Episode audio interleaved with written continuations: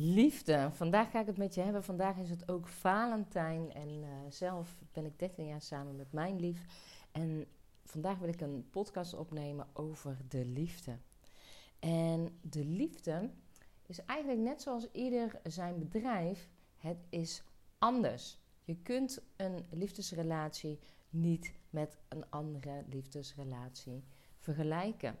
Want wat de een zoekt in een liefdesrelatie, zoekt de ander niet. Dus waar gaat het vaak mis als er vergeleken wordt van maar zij doen wel of zij hebben wel of dit is wel bij de ander? Ga eens kijken wat je behoefte is. Waar heb jij behoefte aan? En ik ben geen relatietherapeute, zeker niet. En uh, ben ik een expert? Nou ja, ik, mijn relaties kun je op één hand tellen, dus misschien ook al zeker niet. Um, deze relatie heb ik uh, eh, 13 jaar en daarvoor heb ik een relatie gehad van 10 jaar, bijna 10 jaar. Dus ja, en ben ik dan een expert? Nee. Wel wil ik wat dingen met je delen, wat ik zie gebeuren. Wat ik zie gebeuren om me heen, waardoor er soms relaties minder makkelijk werken. En ik neem ze vandaag voor je op en jij mag voelen wat past bij jou en wat is voor jou een ideale relatie. En ik moet een paar voorbeelden noemen. De een vindt het bijvoorbeeld heerlijk om met zijn partner te sporten, gezamenlijke hobby's te hebben, samen erop uit te trekken. En de ander vindt het fijn om dat juist los van elkaar te doen, omdat ze andere interesses hebben. En dat als ze wel uh, elkaar gaan overhalen om uh, wel dat samen te doen, dat juist de magie weg is. En dat is dus voor iedereen weer anders. Er zijn stellen die vinden het fijn om elkaar, uh, als ze een boek aan het lezen zijn, om dat s'avonds aan elkaar voor te lezen. En er zijn stellen die moeten bij het idee alleen al overgeven. Er zijn stellen die graag voor het maatjesgevoel gaan. Ik heb een maatje. En wederom zijn er genoeg stellen die daar ook van kotsen. Wat past bij jou? Ja, ik moet het echt zo noemen: ervan kotsen. Wat past bij jou en wat werkt voor jou? Wat wel altijd belangrijk is, en dat heb ik echt uh, in veel relaties gezien, dat relaties gaan niet altijd over rozen. Het is niet altijd roze geur en maneschijn. Het is niet zoals in de sprookjes. Ze ontmoeten de prins en vervolgens leefden ze nog lang en gelukkig. Ze kunnen wel lang en gelukkig leven, alleen er zitten soms ook wel wat strubbelingen op het pad. En die strubbelingen kunnen veroorzaakt worden door bijvoorbeeld uh, stress, werktechnisch, familietechnisch. Kan veroorzaakt worden door uh, dat je in een nieuwe fase komt, dat je ouders wordt en dat ineens alles onder hoogspanning staat, omdat je heel erg geconfronteerd wordt, gespiegeld wordt door je eigen kind en je geen idee hebt hoe je daarmee om moet gaan. Of dat je slaaptekort hebt en dat je echt denkt: oh my god, gaan we dit overleven met z'n tweeën? Of dat je denkt: hé, hey, um, als je bijvoorbeeld ouder bent geworden um, en, en je hebt zo'n kleine, en dat je denkt: oh, maar die anderen doen het altijd heel goed en wij hebben altijd discussie. Ook hoe mensen reageren is weer heel verschillend. De ene persoon is als er uh, iets aan de hand is, dat ze het negeren, um, maar doorgaan. Uh, misschien zelfs uh, niet bespreken met de partner. Misschien wel bespreken met vrienden of vriendinnen, maar de partner eigenlijk niet meenemen in het geheel. Dat, ik zie dat regelmatig gebeuren. Dat, dat er belangrijke ehm, kwesties zijn in een relatie maar dat het niet met elkaar besproken wordt, wel met anderen duidelijk en helder. Maar dat wanneer het met elkaar besproken wordt, de, ze, ja, men elkaar niet wil kwetsen en daardoor maar de topics uh, mijt of uh, niet duidelijk communiceert. En dat er dan vaak gezegd wordt, maar ik zeg dit al vaker en ik heb dit al vaker gezegd, terwijl ze het tegen andere mensen echt breed uitmeten, alleen echter niet zo helder en duidelijk zijn tegen hun liefdespartner. En daar zit natuurlijk ook altijd weer een reden onder. Want sommige dingen komen voort uit aangeleerd gedrag, Uh, ook het gedrag dat je mensen niet wil kwetsen. Angst dat iemand uh, je niet meer leuk vindt en je verlaat. Angst voor ruzie, discussie, enzovoort, enzovoort. Het is niet zo eenvoudig om te zeggen uh, waar het onder zit. Het is vaak een, een, ja, ik kijk daar in de coaching ook altijd naar, want we nemen relaties als het nodig is ook mee. En we kijken dan ook wat zit eronder, waarom je iets denkt duidelijk te benoemen, terwijl het niet duidelijk benoemd wordt. Soms kan het ook maar zomaar zijn dat mensen um, in een patroon gestapt zijn en dat patroon niet uit lijken te komen. Um, een voorbeeld dat, um, dat de moeder nadat ze moeder is geworden heel erg de zorgende rol op zich genomen heeft en een paar jaar later denkt, ja, en nu is het tijd voor mij. En met haar vuist op tafel slaat en het is tijd voor mij. Terwijl het proces aan de voorkant natuurlijk al heel anders kan zijn. Want wie plakt het labeltje op dat de vrouw alles in de opvoeding en het huishouden moet doen? Dat is natuurlijk een van oudsher een gedachte, maar dat is geen waarheid. En je bent je ergens naar gaan vormen en heb je je partner daadwerkelijk daarin meegenomen? Of heb je dat zelf ook als heel prettig gevaren, uh, ervaren jarenlang? En sommige stellen gaan daar echt in gesprek met elkaar van... hé, hey, zullen we dit anders doen? Hè, uh, ik wil dit anders verdelen. Ik wil meer gaan werken. Of ik wil een andere job gaan doen. Um, enzovoort, enzovoort. Maar er zijn ook soms uh, stellen... en die hebben een soort ja, niet afgesproken rolverdeling, maar die wel ontstaan is. En dat dan een van de partners ineens iets waar, uh, wat ze altijd regelen of doen, laten liggen. Om de ander maar te laten zien hoe, um, hoe belangrijk ze zijn in de relatie. En wat er eigenlijk onder zit dan, is dat, ja, ik ben daar helemaal niet van. Want ik denk dan altijd van, ja, hoe kun je nu verwachten dat... Um, ik ben hier bijvoorbeeld altijd degene die de was doet. En daar voel ik me helemaal content bij. Dus dat is niet iets uh, waar ik uh, last van heb. Um, en ik doe altijd de was. Nou, stel dat ik nu vandaag besluit... ik wil een statement maken en ik doe de was niet meer. Nou, dan zijn daar eh, vier mensen die hebben daar een nadeel van. Dat ben ik zelf. Dat is sowieso een no-go dat, is, uh, dat zijn mijn kinderen, maar dat is ook mijn partner. Terwijl als het mij te veel zou zijn, dan ga je het gesprek aan. En vaak willen mensen op een rigoureuze manier toch gezien en gehoord voelen in de relatie. Dus dan ineens worden ze boos en roepen: Maar dit doe ik al jaren. Terwijl als je je partner niet erin meeneemt al die jaren, maar het wordt ineens wel te veel, dat betekent niet dat, je, dat, hè, dat als er wel even zo'n explosion, vulkaan-explosie-moment is, dat dat verkeerd is. Maar je mag er ook bij stilstaan. En ik denk dat dat echt de gouden regel is in welke relatie ook. Of dat nou je liefdesrelatie is, of dat nou een relatie is in, met vrienden, vriendinnen. Of dat nou een relatie is met je kinderen, met collega's, met klanten.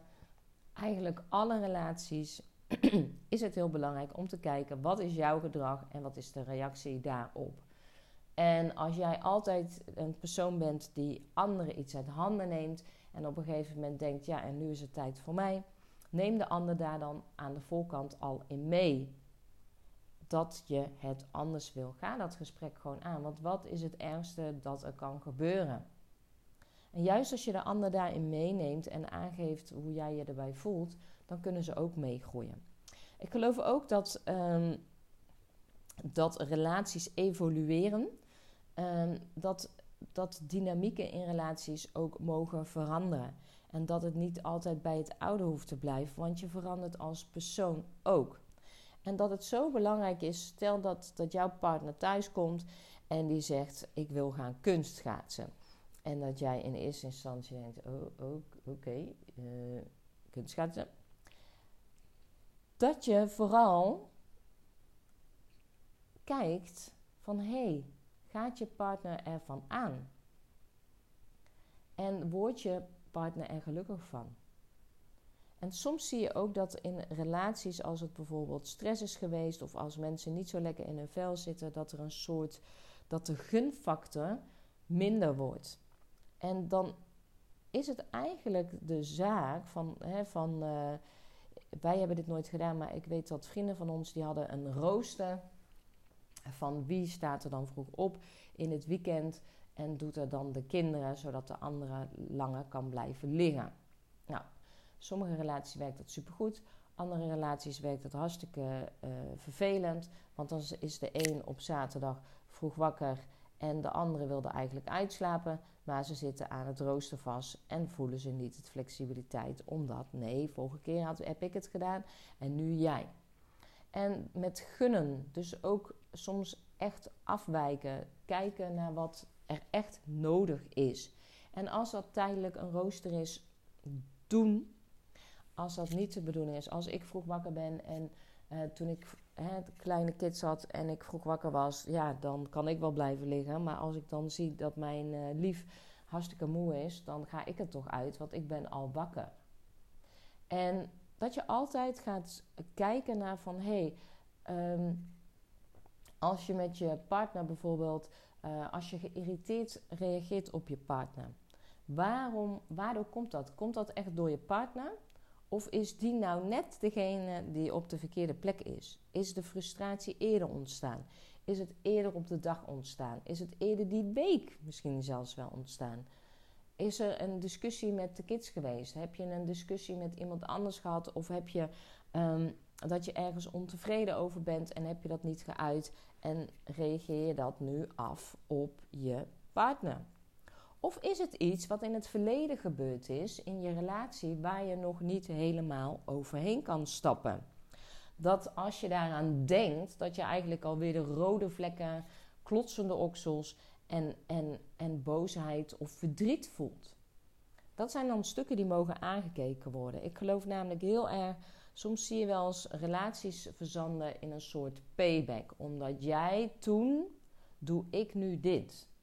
En energetisch klopt het, hè, dat als je heel erg gekwetst bent, als er bepaalde dingen in je relatie zijn gebeurd, dat de energie weer juist gezet moet worden. Dus dan hoef je niet ja en amen te knikken en dan mag je boos over zijn. En dat, dat, dat mag, dat mag, daar mag je verdrietig over zijn, dat mag clashen, zeg maar kijk wel van hey, is dit nu waarom ik zo reageer? Is dit nou daadwerkelijk nu aan de hand? Of is er eigenlijk nog iets waar ik boos over ben?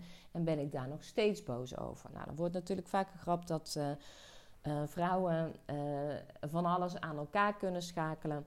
En dat, ehm, en dat ze, ja, dan vaak hoor je dat in cabaretshows. Dat het gaat over het een en vrouw liefst trekt er alles bij. Zijn alle vrouwen zo? Zeker niet. Ik denk, en zelf heb ik dat zo ook ervaren, dat um, als je eenmaal meer van jezelf houdt en jezelf prioriteert, en prioriteren hoeft niet door egoïstisch te zijn, ik, ik, ik en de rest kan stikken, maar vooral gaat kijken naar wat is jouw behoefte, wat heb je nodig. Maar ook als jij bijvoorbeeld uh, je niet gezien voelt, hoe komt dat? En is dat daadwerkelijk zo dat je partner je niet ziet? Of zie jij jezelf niet? Genoeg uh, relaties, en daar zijn ook mannen die dat doen, die uh, maar in de geven, geven, geven, geven rol gaan. En vervolgens uh, zich niet gezien of gehoord voelen. Dat ze echt, ehm, ja, dat ze echt in die gevenmodus gaan, ook al komt het ze niet uit. Oh, ik doe het wel. Nee, maar ik doe het wel. Nee, is niet erg. Nee, is niet erg. Maar diep van binnen zit er wel dat ze het erg vinden. En dat ze misschien in het begin nog het gedrag van zichzelf en de ander goed praten. Maar diep van binnen denk ik dat eigenlijk relaties vooral uh, pijnlijk of, of niet altijd even uh, soepel functioneren, omdat de ander nog niet weet wat daadwerkelijk de behoeftes zijn. Of nog in de please-rol zitten. Een simpel voorbeeld. Ik had het laatst met uh, een vriendin erover. Over dat uh, wij ons niet kunnen voorstellen dat je in bed faked. Dat als je hè, geen orgasme hebt gehad, dat je dan faked. Er zijn. Wel dames en meisjes die dit wel heel erg herkenbaar vinden. En dat ze zo in de pleasende rol zitten. We kwamen erop naar aanleiding van een uh, artikel. Dat een dame zoveel jaar uh, had gefaked en dat ze nu haar partner wilde confronteren. En ja, dat, dat ze het daarover wilde hebben. En wat een teleurstelling is het ook voor de partner. Dat je denkt dat je al jarenlang een fijne relatie hebt en dat de seks ook op een heerlijk, uh, heerlijk is voor beide. En dat je dan ontdekt dat je al jaren niet jouw vrouw hebt klaar laten komen. Dat is niet alleen voor de persoon zonder orgasme een teleurstelling, maar ook voor de partner. Want als partner gun je, en eh, ik ga echt uit van dat je de ander net zoveel plezier en uh, liefde en genot gunt als jezelf. En wat je eigenlijk doet als je faked, is dat je jezelf het plezier ontzegt. En dat lijkt me nooit de bedoeling in een relatie. En dat is de basis. Hè. Je hebt het gezegd van uh, je kan pas van een ander houden als je van jezelf houdt. Wat bedoelen ze daar nou mee?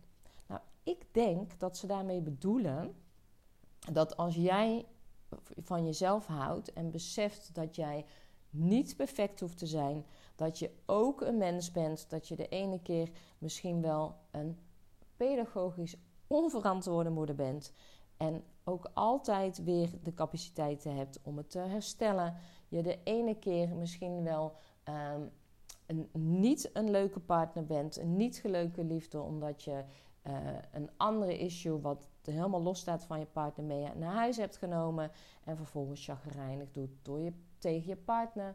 Of dat je beseft dat je inderdaad boos bent over iets wat, um, wat langer geleden is gebeurd en je boos blijft op je partner en een soort je moet er maar voor boeten. Ik geloof daar helemaal niet in dat je iemand moet laten boeten voor wat er is gebeurd. Ik geloof wel dat het heel belangrijk is dat als je boosheid en woede voelt en frustratie, dat je dat naar elkaar uit. En niet dat je het stilzwijgend inslikt en maar in de please-modus gaat, van dan zal het wel goed zijn. Of in de negeermodus gaat, want hè, dan zal het er wel niet zijn, kop in het zand steken. Ik geloof dat dat nooit uh, werkt. Dat dat vroeg of laat altijd tot een uitbarsting en verwijten komt. En als er eenmaal verwijten in de relatie zitten die langer duren, dat, uh, dat je een probleem hebt in je relatie. En dat je elkaar misschien wel niet meer kan vinden, omdat je het vertrouwen kwijt bent. En dat betekent niet dat als er tijdelijk iets speelt, dat je gelijk je relatie aan de kant hoeft te zetten. Daar geloof ik helemaal niet in. Ik geloof namelijk ook dat je een goede relatie kan hebben, ook als het even niet soepel loopt. En dat je samen je best doet om daaruit te komen. En het kan zomaar zijn dat er één iemand als eerste gaat ontwikkelen in de relatie. Dus persoonlijk naar zichzelf gaat kijken en naar het gedrag en naar wat er, wat er zeg maar plaatsvindt. En gaat zien dat er misschien wel patronen zijn die doorbroken mogen worden, maar dat er ook patronen ingeslopen zijn en dat je daar zelf altijd ook een aandeel aan hebt. Je bent met z'n tweeën. Maar eerst van jezelf houden betekent ook als jij uh, bepaalde dingen verwacht. Uh, je wil op een bepaalde wijze dat je huis schoon uh, is hè, en jij hebt je eigen methode. En vervolgens doet jouw partner dat en jij gaat je partner alleen maar benoemen wat er niet goed is en wat er anders moet. Terwijl zien wat er ook is. Vaak zijn mensen op een gegeven moment zo gefocust bij zichzelf op wat er niet goed is, wat er niet klopt, dat ze alleen naar zichzelf benoemen: het klopt niet, het klopt niet, doe het niet goed, ik doe het niet goed, doe het niet goed. Dat ze dat kunnen doortrekken, ik zeg niet dat iedereen dat doet, um, kunnen doortrekken in een relatie. Dus dat ze gefocust zijn bij hun partner ook. Oh, eet niet gezond. Ik moet, daarmee, ik moet ze daar heel de tijd mee um, confronteren. Um, heeft het huis op die wijze gepoetst? Ik vind dat het anders moet, dus het is niet goed. Oh, de was is gevouwen, maar het is op een andere wijze als dat ik hem vouw. nee, dan is het niet goed. Terwijl je kunt ook de persoon nemen voor zoals de persoon is en dat er meerdere wegen naar Rome zijn. En ik geloof ook dat als er echt, hè, uh, als je echt op andere planeten leeft en je kunt elkaar niet vinden. Ik geloof ook dat mensen tijdelijk op je pad kunnen komen. En tijdelijk kan best een aantal jaren zijn. Uh, kan misschien zelfs 25 jaar zijn. Maar om je ook uh, dat het de bedoeling is dat je elkaar ontmoet. En dat je elkaar hele mooie levenslessen leert. En dat kunnen ook pijnlijke levenslessen zijn. Ik geloof ook dat je altijd uh, mag gaan kijken als het bijvoorbeeld hè, um, niet helemaal lekker gaat in je relatie. Van hé, hey, maar hoe gaat het eigenlijk in jezelf? Ben jij, uh, vind jij dat uh, bepaalde onzekerheden die jij hebt, dat je partner weg moet nemen? Ik geloof ook dat als je heel onzeker bent en je hebt de allerleukste, liefste partner die wel honderd keer noemt dat jij leuk bent en dat uh, lieve briefjes schrijven, kaartjes schrijven, leuke dingen met je doet, dat als jij het zelf niet voelt, dat ook die liefde van de ander niet helemaal binnen kan komen. Dan zie je vaak dat mensen in de rol gaan: ja, maar waar heb ik dit aan verdiend? En zich nog rotter gaan voelen. En dat je altijd dus mag kijken naar je eigen fundament. Dus eerst van jezelf houden, jezelf dingen gunnen, voor jezelf ook gaan staan, voor je kwaliteiten. Als jij wil ontwikkelen, ik ben, ik ben zelf niet het type dat gaat overleggen met mijn uh, lief als ik een cursus ga doen. Dat ik dat ga overleggen. Dat heb ik eigenlijk nooit gedaan. Dat uh, beslis ik. En vervolgens is het een mededeling dat ik het ga doen. Mijn lief is daaraan gewend. Die, die weet niet beter. Want waarom zou ik het overleggen? Want ik weet dat ik dat wil gaan doen. Ik, ik hoef helemaal niet uh, te horen of hij het wel of niet ziet zitten. Want ik ga het gewoon doen ik heb ook nog nooit meegemaakt dat mijn lief zei van nou, moet je dat nou wel doen? Nee, want hij weet hoe ik ben. En hij weet dat als ik iets ga doen, dan ga ik er 100% voor. En uh, het heeft tot op heden altijd de, een, een, een verandering in mij opgeleverd die nog meer goud en nog meer persoonlijke rijkdom oplevert. En rijkdom bedoel ik niet eens alleen in, in geld, maar ook puur in het geluksgevoel. En ik denk dat dat het altijd het belangrijkste is: dat jij jezelf ziet, maar ook de ander kan zien. Ik geloof echt dat je, hè, um, als je met iemand bent en je, je denkt: oh, hij draagt altijd die kleur en uh, dat is zijn lievelingskleur, maar oh, laat hem eens even blauw dragen. En laat hem het verschil zien. Dat je partner zomaar positief verrast kan zijn en denkt: wauw, ja, dit, dit is het. Ik zie er veel beter uit, veel frisser, veel fruitiger. En dat het een upgrade kan zijn. Maar als je alleen al begint te eh, steunen en, en, en kreunen bij wat iemand aantrekt, of dat ze net iets te veel eten, of wat is het dan echt wat er in jou leeft? En misschien leeft er wel angst hè, als je partner te veel uh, eet, van hé, hey, dan raak ik hem kwijt. Want dan gaat hij misschien wel last van zijn gezondheid houden. Of je ziet dat hij uh, futlozer wordt en dat hij minder uh, enthousiast in het leven staat. En daar zit dan de angst. En dat ook altijd zien. Wat, wat maakt dat je bepaald gedrag vertoont? En wat maakt er dat in je relatie dingen werken en wat niet werkt?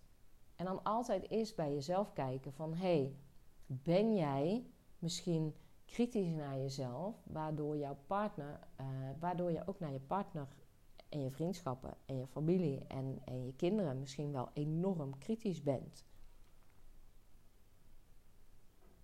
En eerst van jezelf houden, betekent dat dan dat je pas in een relatie kan stappen als je al helemaal 100% van jezelf houdt? Weet ik niet. Ik geloof ook echt dat je al wel in een relatie kan stappen en dat je in die relatie kan veranderen. Dus dat jij wel uh, heel veel uh, van jezelf gaat houden en dat je nog steeds een mooie relatie kan hebben.